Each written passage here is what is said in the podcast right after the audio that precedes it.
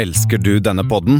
Gjennom Acasts nye supporterfunksjon kan du nå vise din støtte til podskaperne. Det er helt opp til deg hvor mye du ønsker å bidra med. Klikk på lenken i podbeskrivelsen for å støtte podkasten.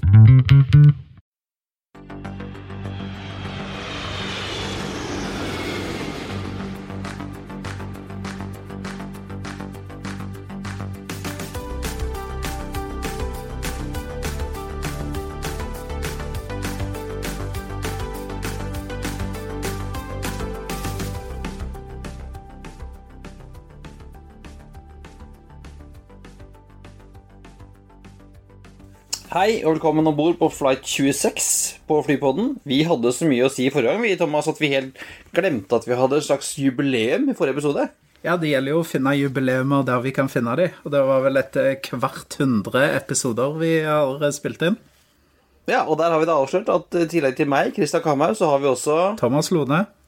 på linja I, i siste forrige episode så var vi jo sammen eh, i, Elvebyen, Thomas, men nå er vi tilbake i vanlig tralt med eh, deg i Mjøndalen og meg i Asker. Ja, det er vi. Så det, det funker bra å møtes òg, men det funker like godt å, å spille inn eh, sånn som vi gjør eh, hver for oss. Og ja, det For meg så er det helt greit å Det er jo koselig å treffe deg i ny og ne, Christian, men det funker like greit å bruke teknologien. I like måte, og det er jo det fine med dagens teknologi, at det funker såpass bra. Det gjør det absolutt. Har du flydd noe siden sist, Christian? Nei, du vet hva, jeg har, eh, jeg har ikke det. Jeg har eh, litt uh, sommerferie på tampen her nå, og så er litt sånn småtteri hjemme og sånn, så jeg har ikke gjort det. Jeg fant Jeg, Jeg ryddet i kjelleren, og der fant jeg da min gamle Toshiba uh, bærbare i, i gåseøynene Uh, PC fra jeg gikk på BI på, i 1998. Den var gjerne flyttbar, men ikke bærbar. Den veide ti kilo. Jeg. Eh, jeg prøvde å gi den til min 13-årige datter, så hun, eh, og hun så på den og bare sa bare 'Pappa, hva er det der?' Herlig. Og jeg, altså, den var helt eh, Den var jo viste den til noen andre, andre venner der, og de sa at den her kosta jo 35 000 back in the day.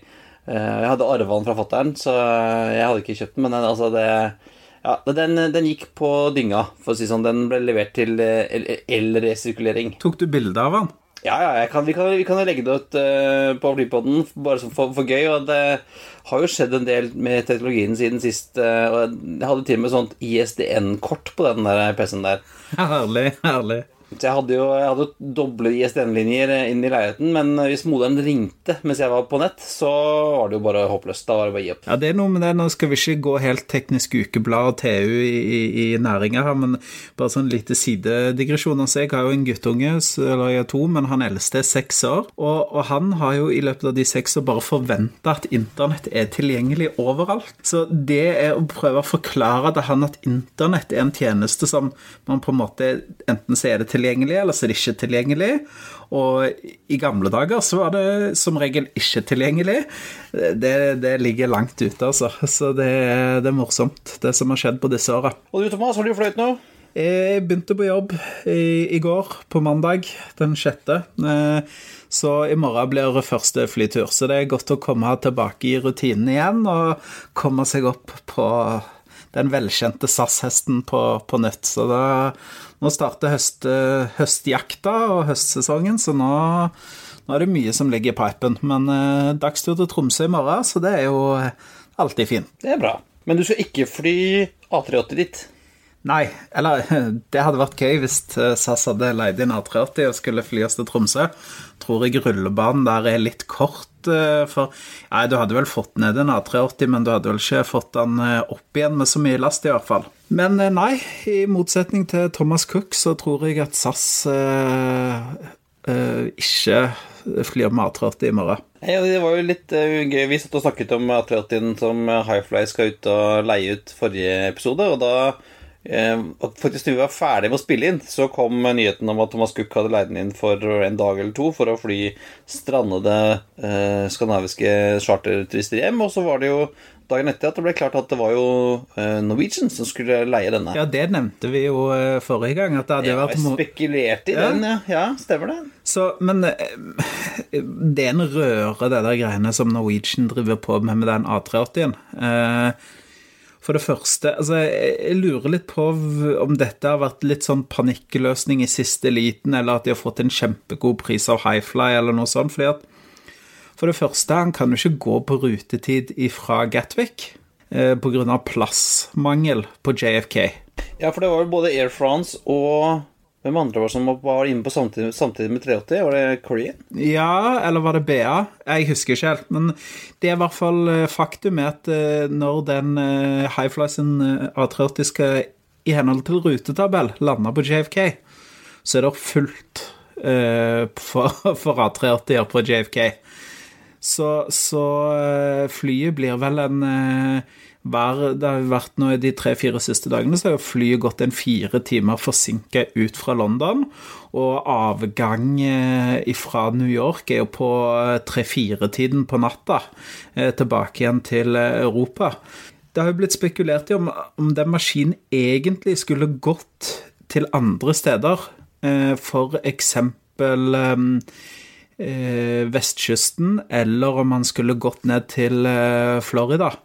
Eh, men litt av utfordringen der var visst at eh, Highfly ikke har nok crew til å dekke opp Altså de uh, flightene som går opp imot ti timer. Ja, for da må det dobbelt crew. Yes. Og i og med at de er i starten på sin A380-operasjon, så er de litt i beita for crew. Og da viser det seg at oi, shit, vi kan visst bare fly til JFK eller Boston. og så har man litt sånn i panikk funnet ja, vi flyr til JFK, og så har man ikke tenkt på at Oi, shit, det er da fullt uh, med A380 når vi lander. Så, så det, det, virker litt uh, Jeg skal ikke si amatørmessig, men um, ikke helt vel gjennomført, da.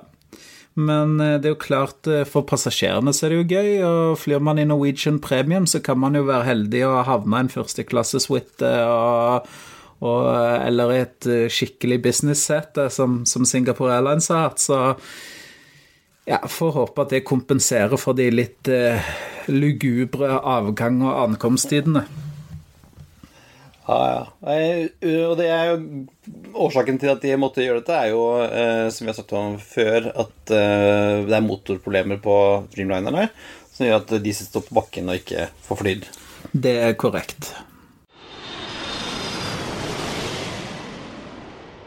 Det er streiker og streikevarsler i eh, Ryanair, Christian. Jeg trodde ikke det fantes fagforeninger eh, i, i Ryanair. At man fikk sparken der med en gang man fagorganiserte seg. Men eh, nå snakkes det om streiker. Hva, hva er bakgrunnen for dette? Nei, altså, det er jo Som, du sa, Thomas, så har det jo lenge vært liksom, vanskelig å få fagforeninger i, i Ryanair. Og, og vel tidligere i år så så ble det en slags eh, fred mellom eh, de ansatte og ledelsen, hvor man nå tillot uh, fagforeningene oppfordret til liksom, å drive fagforeningsarbeid også. Og så uh, er vel da Takken er da at det nå kliner til med streiker omtrent over hele Europa. Og det er nå fra august, eller? Ja, det er utover nå. Det er, sånn, det er noen i Sverige, det er i Tyskland, og det er, sånn, det er overalt, uh, ser det ut som. Og det er jo ikke noe som Ryanair har vært borti før. Så jeg er veldig, veldig jeg er veldig spent på hvordan de skal håndtere dette med eh, folk som ikke får komme til de skal, og kompensasjon, og de er jo notorisk kjent for å ikke betale kompensasjon og sånt, så jeg hadde vel vært litt, vært litt forsiktig med å booke Ryanair-billetter, kanskje.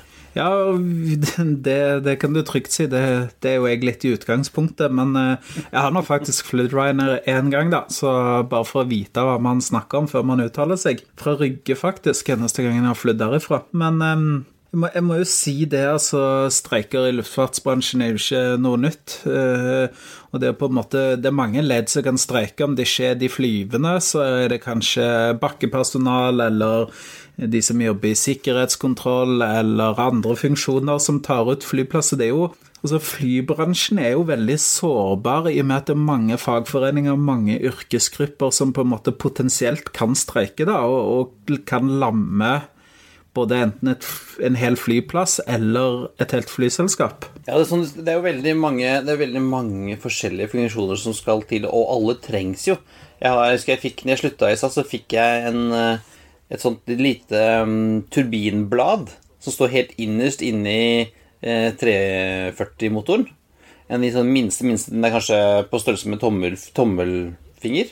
Ja, riktig. De som står på den, eller på den der metallspaken, eller den metallstag innover. Ja, helt, helt innerst inne i Core Engine så står denne her. Og den fikk jeg som en gave av en av kollegaene mine som hadde jobbet på teknisk tidligere. Og den har jeg den har han sånn montert på en liten sånn trekloss. Så jeg har den stående på pulten, og så tenker jeg på den at hver eneste lille bit, uansett hvor, hvor, liten du kan være i det store maskineriet, hvilken som helst jobb du har, så er det den, alle de små bitene er veldig viktige. For uten den her lille, så står det flyet på bakken. Ja, det tømmes ikke dassene, så så går i hvert fall ikke langdistanseflyene. Nei, og, altså, og, og fly, flylederne må, må, være på jobb, og teknikerne må være på jobb. Og, altså, alle må være på jobb, eh, og alle må bidra, ellers så går det ikke. Og det er jo det, de som gjør flybransjen er så ekstremt sårbar for alle mulige, mulige sånne ting, da. Og ekstremt spennende å følge med på. Ja, ikke minst. Og det har jo litt gøy med, med Ryanair, så har jo Michael O'Leary vært veldig eh, skal si vocal, som de sier på engelsk, eh, når det gjelder eh, flygelederen som streiker, særlig de franske flygelederne. Har de sånn der, et sikkert vårtegn er jo at franske flygeledere går i streik. Eh, og han har sånn, så, vært veldig eh, vært, gått veldig hardt ut mot disse streikene, og nå blir jo selskapet selv rammet av streiker som går utover passasjerene, da, til slutt. Pilotmangel, Christian. Er du bekymra? Eh, ja, faktisk. Eh, nå var det et par saker i Dagens Næringsliv her i forrige uke om at eh, det var noen som gikk ut og advarte mot at norske eh, ungdommer eh, utdanner seg til pilot uten å ha jobb å gå til. Eh, og i Norge så er det jo er jo ikke det, det, altså I Norge har man jo nok piloter enn så lenge. og det utdannes jo flere piloter i Norge på norske flyskolene enn det er marked for i Norge. Nå går jo også OSM Aviation og lager sin egen flyskole. Det er disse som eh, leier ut piloter til bl.a. Norwegian. Men på verdensbasis så er det jo eh, en økende pilotmangel. Det har vi sett i sommer med alle kanselleringene som SAS har hatt, at det har vært mangel på piloter hos, um, hos SAS Ireland og hos CityJet og, og sånn. Og vi ser jo det også i USA, hvor en del av disse små regionalselskapene sliter med at de har ikke nok piloter, fordi at de Eh, med en gang de eh, pilotene har nok erfaring, så hopper de videre til mainline.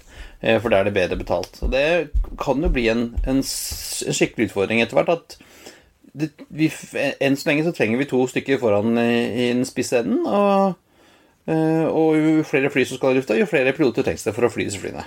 Ja, det, det, er sant. Og jeg vet jo flere nordmenn som har eh, bl.a. vært i Indonesia, vært nedover i Europa. Du finner jo flere nordmenn eh, som, som jobber i Emirates.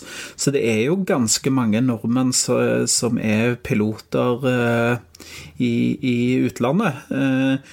Men så ser vi òg at eh, det er jo kanskje noe som man gjør eh, litt i starten av karrieren, og litt sånn mens eh, man har kanskje bare seg selv å tenke på, men så finner man seg kone, og gjerne det kommer noen barn og sånn, så ofte da har man opparbeida seg nok erfaring til, og flytimer til at man kan søke på, på flyselskaper her hjemme i, i, i Norge og Nord-Europa.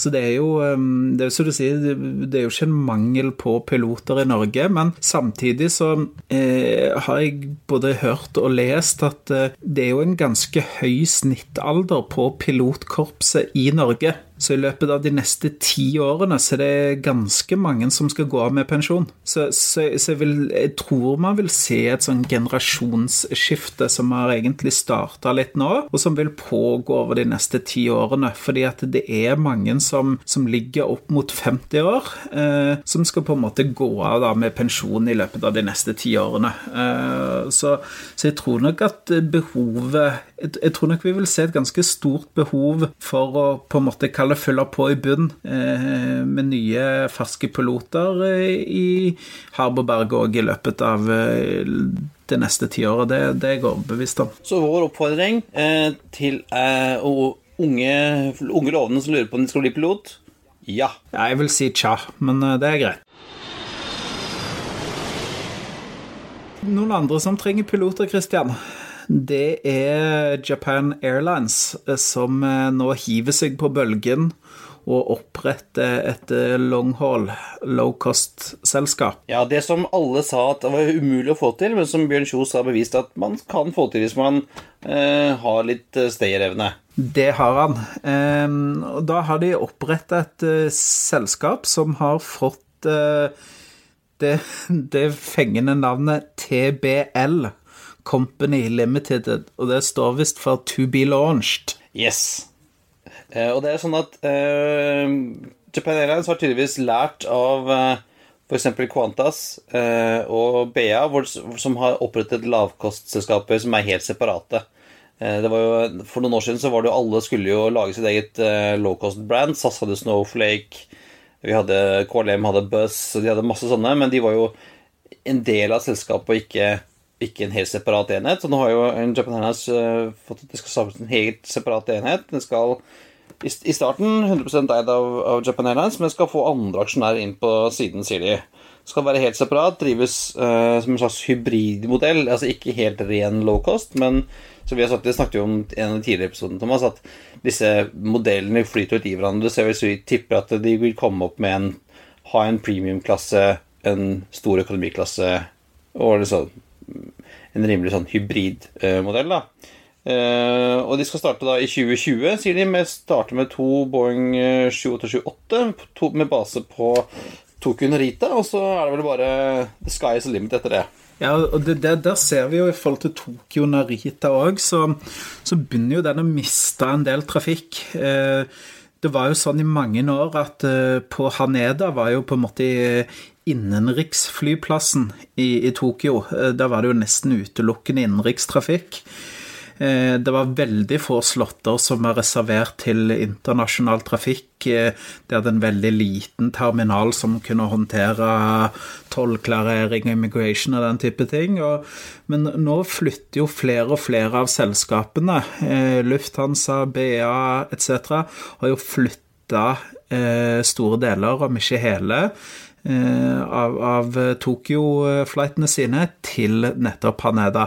Og det åpner jo da for um, Narita er jo en fin flyplass, det, men den ligger jo ufattelig usentralt til i forhold til Det går gjerne fort to timer for å komme seg inn til Tokyo eh, sentrum. Eh, det har, jeg, det har jeg gjort mange ganger, og kommer du i noe trafikkø der, så går det fort både to og to og en halv time. Så, så jeg tenker jo det at eh, kanskje det er en sånn nisje som Narita kan ta, hvis de da mister mer og mer trafikk til um, Haneda i forhold til uh, denne longhold-trafikken, at de kan bli en sånn uh, kanskje en litt sånn eh, low cost eh, flyplass på sikt, med at de, ja, de har et litt eh, ja, skal vi si kjipere oppbud av tjenester. Det er litt sånn med at de lavere landingsavgifter etc. Fordi at de ligger såpass ute i gokk som de gjør, da. Så det, så det blir jo spennende å se. da, så Det, det er jo én ting det som, som, Japan Airlines gjør her, men så er det jo også spennende å følge med på F.eks. SAS. Eh, det har vært diskutert om at de skal flytte eh, også sine flighter fra Narita til, eh, til Haneda, sånn som, eh, som, er trenden. da. Ja, så er det jo også eh, Delta og United, i hvert fall særlig Delta, har jo hatt en sånn stor hub tidligere i Japan. Ja, United òg United har jo hatt det. Ja, ja. Eh, fordi at de hadde en avtale de kunne fly inn dit, og så hadde de andre fly som fløy da inn til fra Tokyo til eh, Korea eller til Kina. Hongkong og så videre. Hongkong, for eksempel, ja. Så de hadde en, sånn, en, en hub i Tokyo som var litt, litt, merkelig, men det er måten å gjøre det på, da. Du kunne liksom f.eks. fly uh, United 737. Uh, maskin fra Hongkong til Tokyo. Det var helt uh, kurant. uh, mens nå, da, med, med, med Dreamlinerne, så kan man da Skal de jo skippe den uh, Tokyo-huben helt og fly direkte. Det, jo, det ser man jo f.eks. òg Singapore har jo Airlines har jo mange år hatt de flightene til vestkysten av USA, har jo gått via Tokyo. Så, så med de nye flyene så, så blir kanskje den trafikken også mer og mer borte. Så da håper jeg da bare at uh, japanerne kommer på et, eh, med et uh, litt mer fengende navn enn uh, TBL Company Limited. Yes. Du, bare sånn et apropos, Christian. Kjenner du godt til SAS Snowflake, eller noen som gjør det? Jeg husker jeg, jeg jobbet jo der når, vi hadde, når Snowflake fantes. Ja, fordi at jeg, jeg syns det er litt morsomt, den der hele SAS Snowflake-historien. Så vi burde hatt eh, en, en egen Snowflake-episode der vi snakker om på en måte det SAS spede forsøk med å starte en, en low cost carrier. Ja, det kan vi, vi kan se om vi kan grave, grave opp der, for jeg husker at det var jo det, var jo en, en trend en periode som var inne på at, at alle skulle lage sin egen low cost-brand, uh, men inni det samme brandet. Så det, vi malte jo Snowflake på flyene, og det var lave priser, men akkurat samme kostnadene. Akkurat samme kostnadsstrukturen, samme ansatte. Så det var sånn La oss bare selge det vi pleier å selge til litt billigere pris. Uh, var vel egentlig opplegget. Med de samme kostnadene. Ja, ja. Og det var jo en kjempeidé som uh, noen fant på, fant på borte i Stockholm. De, den gulfargen kledde SAS sine MD-maskiner, da. Ja, det så jo ut som noen hadde urinert på noe snø der, men sånn er det. Don't eat, don't eat the yellow snowflakes. Yes. Mens vi, er, mens vi er i, i, Østen, Thomas ja. Nok et kinesisk flyselskap åpner rundt til eh, København. Du, hva, hva, er det København driver på med? De får jo, eh, de får jo nye ruter eh, annenhver uke, føler jeg. At vi annonserer nye ruter. Eh, jeg lurer på om Jasper Sprut og Martin Langås og gjengen oppe på OSL, har de sovna i, i timen? Martin, Martin, hører du oss? Har du sovna? Nei, altså, men, men, de har gjort et eller annet tydeligvis godt i, i København. For nå er det jo uh, Sichuan Airlines som starter uh, direkte mellom Chengdu, som kalles for Kinas pandahovedstad. Visste du det, Thomas? Nei, det var jeg ikke klar over. Der det er panda, da, tydeligvis, i Chengdu. Uh, København, København Chengdu får to, dag, to ukentlige Ikke to daglige, to ukentlige fra 10. eh, mandag-fredag med Airbus A330-300. Det er da sånn den tredje nye direkteruten mellom København og Kina eh, så langt i år. Så du har Air China til Peking, og du har Cathay Pacific til Hongkong, og sånn da eh, Sichuan til Chengdu. da. Men to ukentlige, det er jo ikke akkurat um er, hvis man skulle oversatt det til aksjeverden, så ville jeg kalt det for en sånn lyttepost. Man tar en lyttepost eh, i et selskap. altså Det er jo det virker litt sånn commitment issues. Hva, tenker du to ganger i uka? Er det, er det, på en måte nok til å fange forretningstrafikk, eller er det, er det, Nei, det er fritidsmarkedet men, som skal um... Jeg vil tro, sånn, litt sånn som jeg har hørt at kineserne opererer, da, så er det jo da, har de tydeligvis da Jeg vil, jeg vil tro at her kommer det mye, det er mye kinesiske turister eh, inn til Europa. Eh, kommer, og da kan du, de, kjører, de kjører så pakkereiser. Da kan du jo putte på hvilken dag som helst. Ja. Eh, Sichuan Airlines, eh, kjenner du noe til de, Christian? Nei, altså de er et sånt eh, litt sånn ubleket uh, lerret for meg. Altså jeg må innrømme, de har jo holdt på siden uh, 86. Ja. Og det er jo litt eh, De er jo, de er jo, de er jo eid av litt mer hva skal vi si, kjente flyselskaper, da. China uh, Southern Airlines uh, er en stor uh, eier i, i Sichuan, sammen med China Eastern Airlines. Så det er jo, det er jo store um, selskaper som, som er, er, eiere her, da. Så har de bestilt 14 nye A350-900, så noe, noe, Et sted skal disse fly også. Det, det, er tydelig at de skal. Som en sånn liten fun fact så kan jeg jo nevne at eh, free, eh, bonusprogrammet til Sichuan heter da Golden Panda.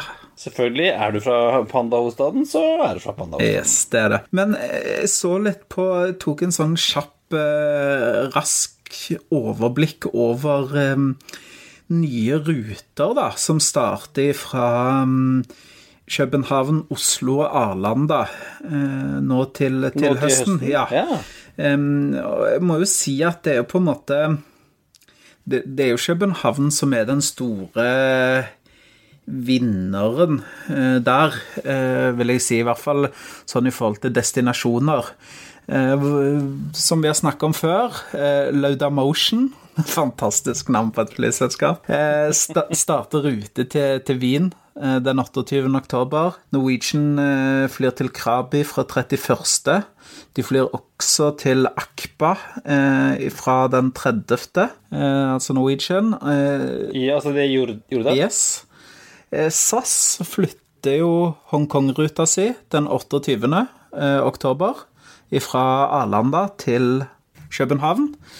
Og Thomas Cook starter faktisk en rute fra København til Banjul, av alle steder, den 30. oktober. Eh, og sist eh, så er det Wizz Air som, som starter til Moldova, til Kristnau. Så det er jo, det er jo en del spennende destinasjoner. Eh, og ja Motion, et flyselskap og litt sånn som, som kommer til København i løpet av vinteren, da. Ja, det, det tyder på at de har gjort en eller annen uh, god jobb der nede med å tiltrekke seg nye carriers, så det er veldig spennende med litt hvert forskjellig. Ja, Ser du på Oslo, da, så er det Krabi med Norwegian den 28. oktober.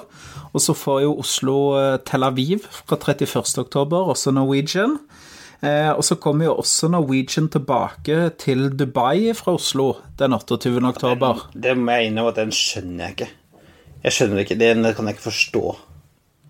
Nei, det er vel eh, Jeg vet om flere som fløy de skulle på Sol og Syden i Dubai, så Men uh, altså kan, det være, kan de selge den så mye, veldig mye billigere enn Emirates? Altså, Emirates har jo ganske bra Du får ganske bra pris til, til Dubai med Emirates òg.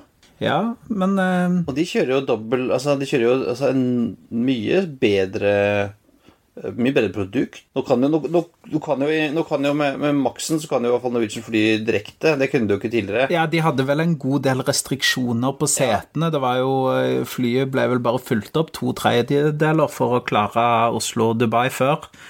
Ehm, så, så, med maksen så bør det gå. Nei, jeg skjønner ikke den heller, men eh, tydeligvis så har de som eh, utvikler ruter og ser på potensial, funnet ut at eh, Dubai det skal vi ha tilbake på kartet. Ja, ja, det Jeg vet jo Jeg vet vel hva, hva Terje Grue og Emirates sier til det. Ja, tror du de er bekymret? Nei, han kommer til å si 'bring it on', sier han. Ja, tenker jeg. det, det, tror jeg òg. Nei, og så eh, sist, men ikke minst, så er det Air Baltic skal fly til eh, Tallinn eh, fra 28. oktober, da, fra Oslo. Så da har vi vel både Nordica og Air Baltic som skal konkurrere på Tallinn-ruten. Ja, og Air Baltic tar jo liksom har jo gått inn og tatt en god jafs både av av, um, av um, Vilnius og, og, Tallinn etter at uh, de lokale selskapene der gikk nedom EM. Så, så, og det er jo naturlig at et selskap som, het, som, som Air Baltic, som ønsker å ha hele, hele Baltikum som hjemmemarked, uh, også går direkte derfra fra Tallinn. Ja. Og Det ser du hvis du ser på nye ruter ut fra Arlanda i høst. Altså både Norwegian og Air Baltic starter da ruter til Tallinn henholdsvis 30. og 28. oktober. Så, så Tallinn er tydeligvis eh, et satsingsområde for flyselskapene nå i høst. Eh, Krabi kommer også på kartet med Norwegian fra 31. oktober. Eh, Norwegian begynner også med flygninger til Orlando fra Arlanda den 29. oktober. Så kommer SAS tilbake på eh, ruta til Oulu den 5. november. Den må være borte en stund, men kommer tilbake nå. Eh, og så mister de jo da Hongkong, som jeg, jeg tror de eh, syns er fryktelig dumt, eh, Arlanda. Eh, men, men eh, desto større glede hos eh, København. Ja. Men jeg, jeg har vel, vel no, kan vel henge noe sammen med den svenske flyskatten, har jeg forstått. Ja, det, det er vel det i hvert fall det argumentet SAS har pusha foran seg. Eh, Så kan det jo også være opera operasjonelle grunner med at de har en større langdistanseflåte som opererer ut fra København, og det er lettere med fleksibilitet osv. Men eh, ja, er København vinneren, eh, hvis vi ser på høstens nye ruter, Christian? Vil du si det? Jeg tror det, altså det, og de har jo jeg tror de, eh, ikke bare høstens, men årets eh, vinner på, på nye ruter, tror jeg. Altså det, jeg, det, jeg ser ikke ut som det er ferdig heller. Syns at eh, København kommer til å slippe det flere ruter, tror jeg. Helt overbevist om. Ja, så fikk vi jo en annonsering på LinkedIn av noen som jobber oppe på, på Oslo lufthavn, at de, de, har også noen annonseringer til høsten, men det var et stort bilde av et fraktfly, så eh, ja, det, vi ser hva de er opptatt med om dagen. De skal Ja, det er vel den, eh, den mye omtalte Sauda-maskinen fra Riyadh via Oslo til New York, tenker jeg, som hvert fall kommer. Det er litt sånn, det å gjette på hva som kommer eh, på frakt, det er jo litt vanskeligere i og med at disse fraktmaskinene går jo all over the place. Men, men, det har jo vært et rykte lenge, da, om at denne maskinen som, som går ifra Saudia, skal, skal komme oppover og, og komme ned om OSL på, på veien til USA. håper jeg de parkerer ved siden av den CAL-maskinen fra Israel. Det kan bli ja, det, det kan bli spennende. Sist uh, i denne nyhetsrunden så tenkte jeg kjapt uh, Nå er jo oljeprisen på veien opp, Kristian. Um, hva, hva, tenker du? Tror du det at eh, en høyere oljepris vil føre til at eh, nå skroter man gamle fly og kjøper nye? Det er jo en sånn vurdering som man gjør, eh, disse, eh, vi økonomer, da, ja. eh, på hva er kostnaden eh, totalt da, ved det, det, å operere gamle fly som bruker mer fuel, og som er litt dyrere i vedlikehold, kontra det å kjøpe nye som er mye dyrere på det finansielle. da. Eh, og så er det en sånn Jeg tror vi har vel en, eh, en artikkel her i, fra, fra Limen. Liham. Liham, ja. Eh, hvor de har gått inn og sett på hva, hva er forskjellen, egentlig. For at eh, nye fly eh, bruker mindre fuel, er billigere vedlikeholdet, men er dyrere å eie. Gamle fly er Altså, disse gamle 340 til SAS er omtrent nedbetalt. De koster jo nesten ingenting å eie lenger. Mens de er litt dyrere å operere, da. Eh, jeg tror vi hadde, vi hadde sett, sett på 737 800 versus maks 8. Det stemmer. Og så hadde de gjort en sånn vurdering da, eh, på disse, alle disse parametrene. Og så sier de at når oljeprisen ligger på bare 125 dollar fatet Yes, det stemmer. Så lønner det seg å kjøpe nye fly. Og i dag ligger den vel rundt i hvert fall det, det, det, det, sies nå at den kommer til å gå til 90 om ikke så lenge. Så det lønner seg jo da eh, enn så lenge. Han ligger vel på en rundt 75 dollar eh, per fat i dag. Så du har jo da 50 dollar eh, å gå på eh, i forhold til det å kalle kjøpe nye fly og, og um, og, eller å holde på de gamle, men det er jo sånn, sånn som Det å kjøpe fly er jo ikke gjort i en håndvending. Det tar jo det tar jo en del tid fra man holdt på å si bestiller, til eh, de står på trappa. Så, så det å gjette seg til hvor oljeprisen vil være om så og så mange år, kontra da og skal vi bestille nye fly, skal vi ikke gjøre det, skal vi beholde disse gamle og heller ta litt mer vedlikehold og fuel-kostnader, det er jo en, er en vanskelig eksorsis da, som, som eh, jeg vil nesten si disse spåmenn i flyselskapene er nødt til å gjøre. Tror heller det går på liksom, hvor lenge beholder du de gamle. For det var snakk om Jeg har litt, litt rykter om at, at, SAS nå, når de får nye 350-ene, kommer til å beholde eh, et par av de gamle 340-ene som er dyre i drift, men som er ganske billige å eie. Og da kan, da kan man fortsette å fly ruter som er sånn litt på marginalen, fordi at det koster ikke noe særlig å eie det, og den dagen oljeprisen går opp og gjør det for dyrt å operere, så bare stenger vi. Ja. Og så sender vi det flyet til, eh, til Mojave eller et annet sted. Det gir jo da SAS, for, i dette eksempelet, da, en mulighet til f.eks. å drive med ekspansjon som, som, man eh, Og det er jo det som Det viser seg at veldig mange av flyselskapene har gjort nå, som allikevel har hatt ordre på nye fly. De har jo, i og med at eh, økonomien har vært i en oppadgående trend de siste årene, oljeprisen har vært relativt lav, så, så har de jo brukt av mer fokus på ekspansjon annet enn en flåtefornyelse. De har beholdt disse gamle holkene fordi at ok, de er billige og, å, å, eie, men så, så, er de løpende kostnadene i forhold til fuel og vedlikehold og litt sånn, de er litt høyere. Ja, og Vi kommer nok til å se den når, når, Hvis vi får oljepriser som, som, nærmer seg hundretallet igjen, som vi hadde for noen år siden, så tror jeg nok at vi kommer til å se en del rutenedleggelser og kutt i kapasiteten. For at det, det kommer ikke til å, å være, være sånn lønnsomt eh, å fortsette å fly eh, eldre, eldre fly og med den typen Eh, forbruk, da. Nei, Du ser jo f.eks. sånn som Lufthansa har jo eh, pensjonert en del av A340 600. Flåten er en av mine favorittfly for øvrig. Fantastisk flott fly. Eh, det er jo fly som knapt har blitt 10-11-12 år gamle. Har de pensjonert nå.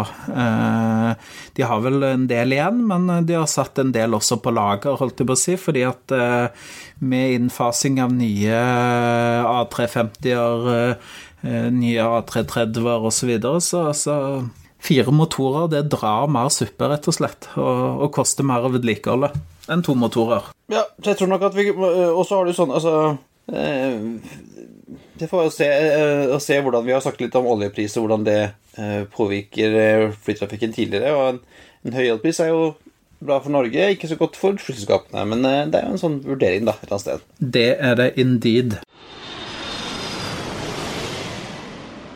Men eh, når vi er inne på vurderinger eh, og flyselskaper, så eh, det viktigste flyselskapene selger, Christian, det er jo billetter. Ja, jeg vil si Jeg vil nesten arrestere deg. Det viktigste flyselskapene selger, er jo tid, Thomas. Tid, ja. Greit, greit.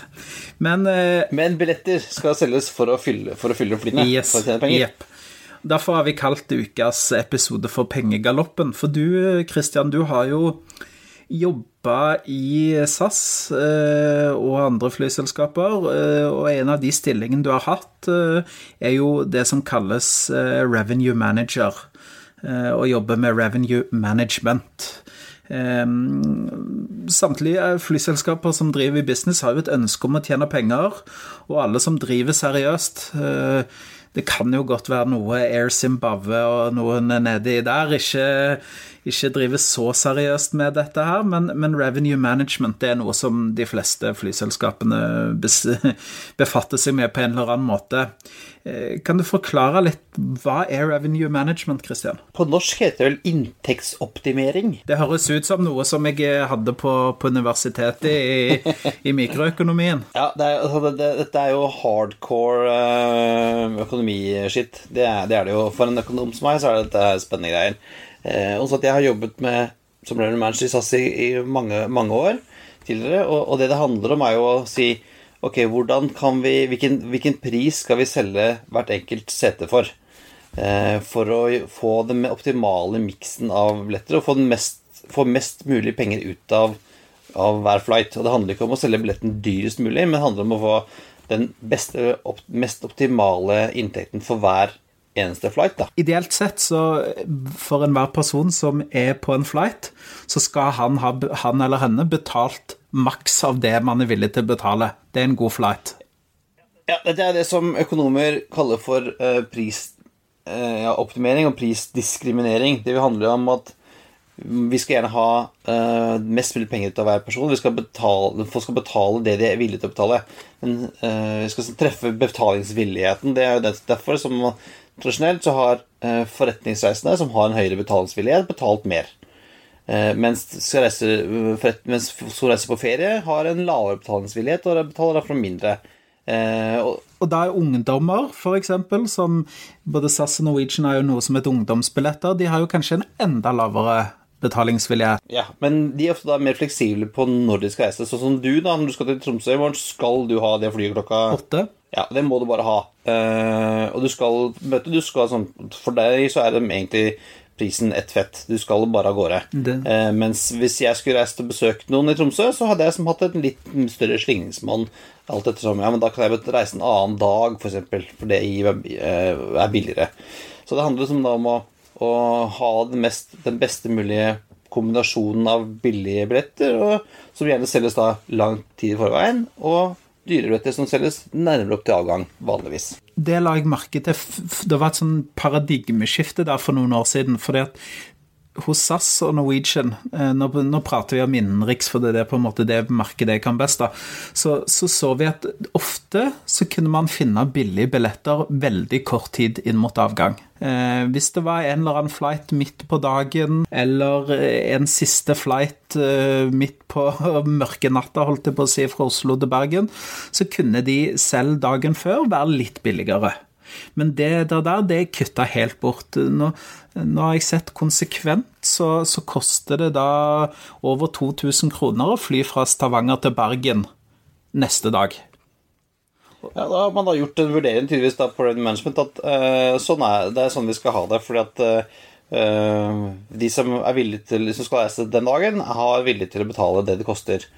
Um, og da kan man ta ut ekstra, ekstra der. Og måten man jobber med Revenue Management på, er jo egentlig Det er jo, det er jo enormt mye statistikk. Ja, for, jo ja, for jeg tenker, ja, har, man, har man holdt på å si eh, 2000 mennesker som sitter inne og kontrollerer hver eneste flight og tenker dette er den riktige prisen, eller, eller hvordan på en måte jobber man med dette konkret i praksis? Nei, Det meste går jo på statistikk, på, sånn på hva er solgt tidligere, på hvilken tid, og man vet jo sånn Man følger jo eh, Der det er høy Der, der sånn etterspørselen er størst, det er gjerne sånn tidlige morgenflighter ut av Oslo på, tidligere på uka, og så inn til Oslo på, et, på ettermiddagen.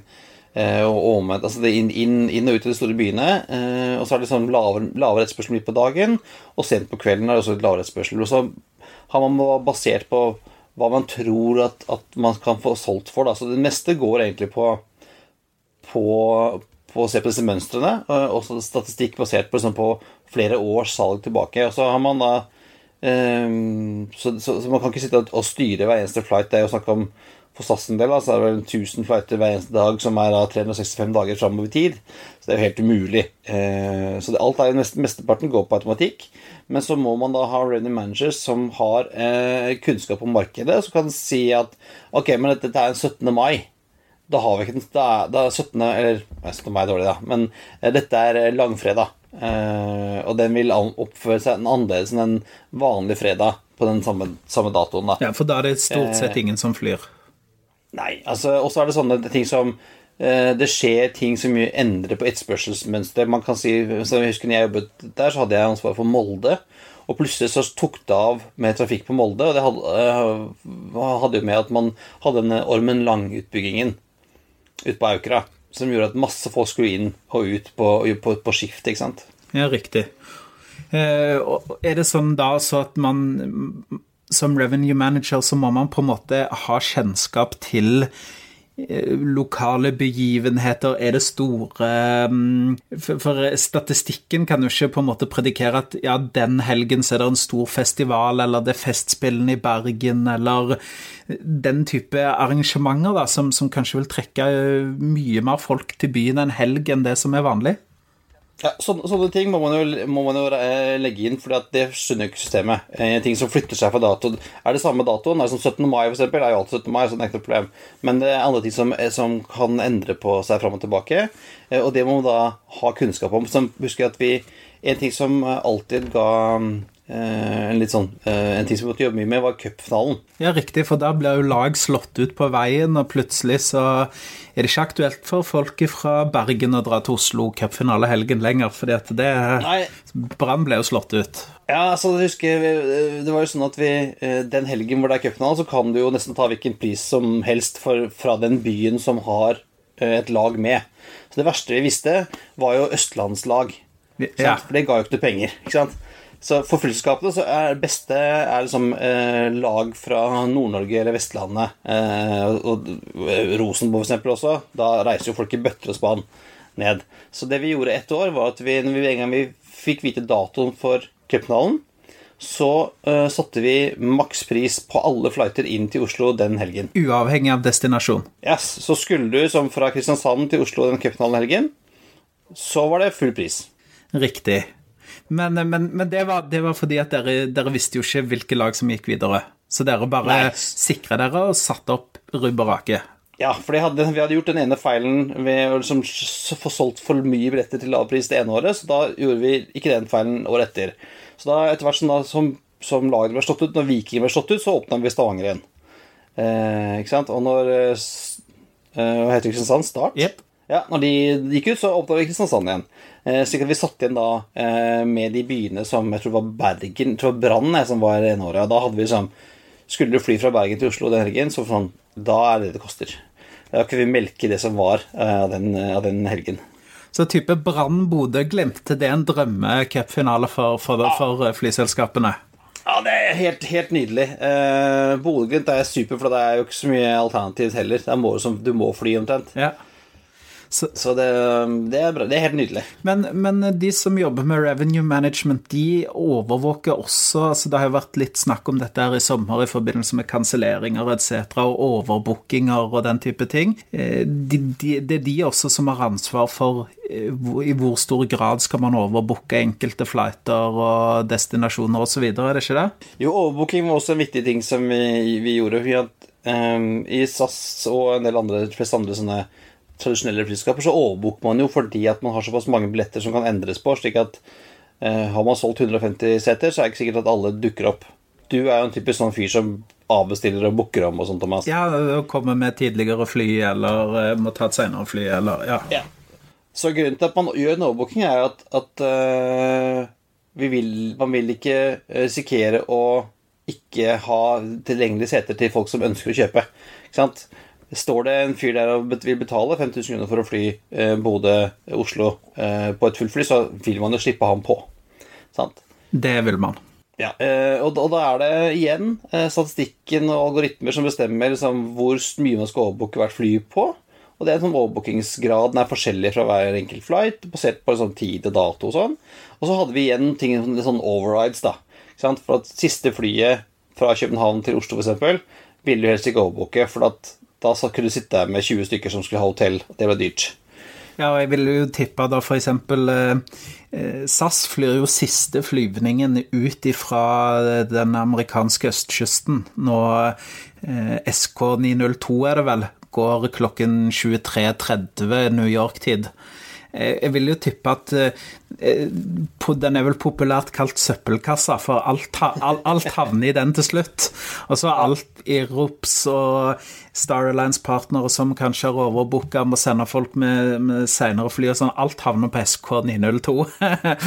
For den, den lander såpass seint på dagen i, i, København, så det er greit med connections videre og sånn. Så jeg vil jo tippe at kanskje det også er en flight som, som ikke overbookes i like stor grad som f.eks. den eh, SAS-flyvningen som går da fra, fra, Newark til København tidligere på dagen. Ja, og det vil tro så det, Man holder igjen litt sett for å vite at her kommer det, kommer det ting men vil også, da vil også systemet etter hvert lære seg at dette er en full flight som alltid er full. Eh, derfor vil man ikke overbooke, for her dukker alle sammen opp. ikke sant? Ja. Eh, og så hadde vi andre, andre parametere som sa ok, er det, hvor lang tid er det til neste flight? Man overbooket oftere en flight Oslo-Stockholm enn en flight Oslo-London, f.eks. I og med at det var flere flighter å velge mellom. Ja, altså Overbooker man da kanskje mindre typiske feriedestinasjoner, sånn som Malaga, vil jeg tippe? For der, er, ja, for der vil folk dukke opp, vil alle sammen dukke opp, og så er det kanskje lenge til neste flight. Og, sånt. Eh, og så hadde vi sånne andre ting som at hvis, eh, hvis kongefamilien eller andre eh, VIPs, eh, som gjerne reiser sammen med journalister, eh, var på flight, så bør man heller ikke overbooket i det hele tatt denne flighten. For den blir full uansett? Ja, jeg, hvis, eller hvis den blir full av overbooker, og, og, og en journalist blir kasta av, så blir han eller hun rimelig grint og skriver en stygg artikkel, så da det var ikke verdt det. Ja, riktig, riktig. Jeg hadde jo en morsom sånn overbookingshistorie. Meg og en kollega, det var faktisk eh, han som samme som jeg skulle ut med i Reise i morgen. Vi skulle til Tromsø her på en dagstur for, for et par år siden. Og så viste det seg at jeg skulle fly med SAS, eh, og det trodde han òg at han skulle. Men hadde vist seg at han skulle fly med Norwegian-flyet som gikk en halvtime tidligere. Eh, og det rakk vi jo ikke. Så da kjøpte han seg Så måtte vi gå bort i billettskrenka på, på, SAS og spørre ja, kan, kan han få kjøpe en billett. Han er nødt til å være med på dette møtet. Så hun sier nei, flyet er fullt. Men kan vi kjøpe en standby-billett, da? Ja, sier hun, selvfølgelig kan du det, jeg skal ikke nekte å selge det til deg. Og det var jo selvfølgelig full flex E-klasse 3500 eller noe sånt. Flyet var smekkfullt, eh, men det viser seg at det er jo dette flyet som går Oslo, Tromsø, Longyearbyen. Det er den, den flighten som Og samtidig med det Tromsø-flyet så gikk det et Norwegian-fly direkte til Longyearbyen fra utenlandsavdelingen. Så 20 av SAS sine passasjerer hadde gått feil, for de hadde bare sett Longyearbyen. De var en sånn gruppe. Sett mm. Longyearbyen og peist på ut på utland. Eh, og disse flyene border jo samtidig, for de skal gå samtidig. Og da finner jo de ut at eh, hei, det er jo ikke dette flyet, vi skal jo være på innenlandsterminalen. Og da, det var ti stykker som sto på standby på det SAS-flyet, og alle kom med. Eh, fordi at det var ikke tid nok til å få denne gruppa på 20 stykker ut gjennom tollen og inn i sikkerhetskontrollen og ut på innenlandsgaten og alt sånn, så eh, da kom faktisk alle ti som sto på standby, inkludert min kollega med, så det var jo uh, utrolig, utrolig flaks for SAS, da, som hadde da overbooka det flyet med, fly med ti stykker, og kunne da cashe inn de 3500 fra en kollega min som bare måtte av gårde med det flyet. Er nice. Det er, sånn, det, det, det er liksom også grunnen til at man overbooker det. For det, det, er alltid noen som ønsker å betale for å komme med, ja. på, også på et fullt fly. Ja, riktig. Yes. Og det, og det, jo, det var jo gode år eh, som jeg jobbet med jobbe. Det, det er jo og, og, eh, enorm Man lærer enormt mye av liksom, om hvordan businessen fungerer, og hvilke drivere som er, og hva som påvirker da, de forskjellige tingene.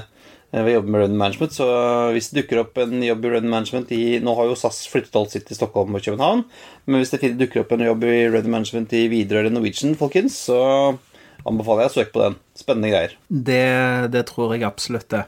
Skal vi si at det var alt om, om eh, din hverdag og din eh, kunnskap om revenue management, Christian?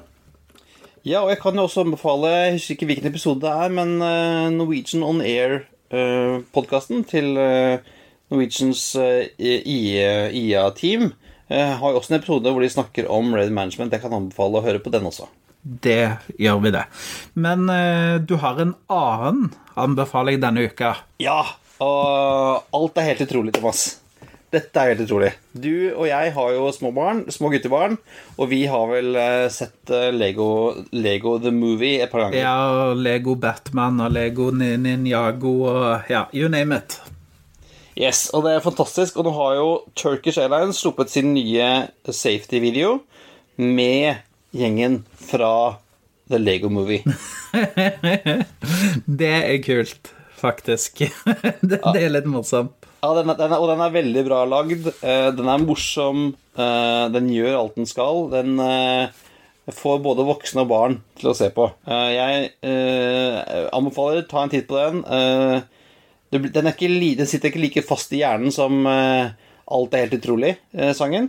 Men uh, den er veldig bra.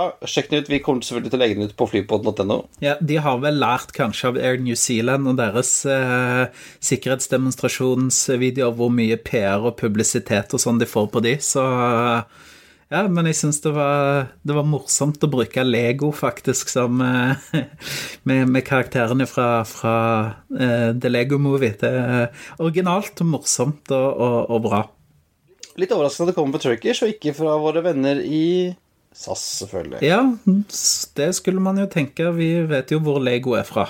Og det er ikke fra Tyrkia? Mm, nei, det er det ikke. Yes, da tror jeg at vi er på tide å gå inn for landing, Kristian. Det var det vi hadde for denne gangen. Takk for at du lånte øret ditt til oss i denne flighten. Vi håper du har hatt en fin flight, og gi oss gjerne en god og fin anmeldelse i iTunes eller i den podkast-appen du bruker. Det setter vi veldig stor pris på. Du kan abonnere på oss i iTunes, på Spotify eller i din foretrukne podkast-app. Du finner selvfølgelig linker til det vi har snakket om i dag på flypodden.no. Du finner oss også på facebook.com flypodden på Instagram at Flypodden og på Twitter at Flypodden. Har du noen kommentarer, spørsmål, kjeft kanskje du vil dele ut, eller en lukrativ sponsoravtale du ønsker å, å vifte, vifte, med og, og, inngå med oss, så ta kontakt på hallo alfakrøllflypodden.no. Eh, takk for denne gang, og eh, ja, velkommen om bord neste uke. Ha det! Hei da. We thank you for flying with us today. We truly appreciate your business and look forward to serving you on a future flight.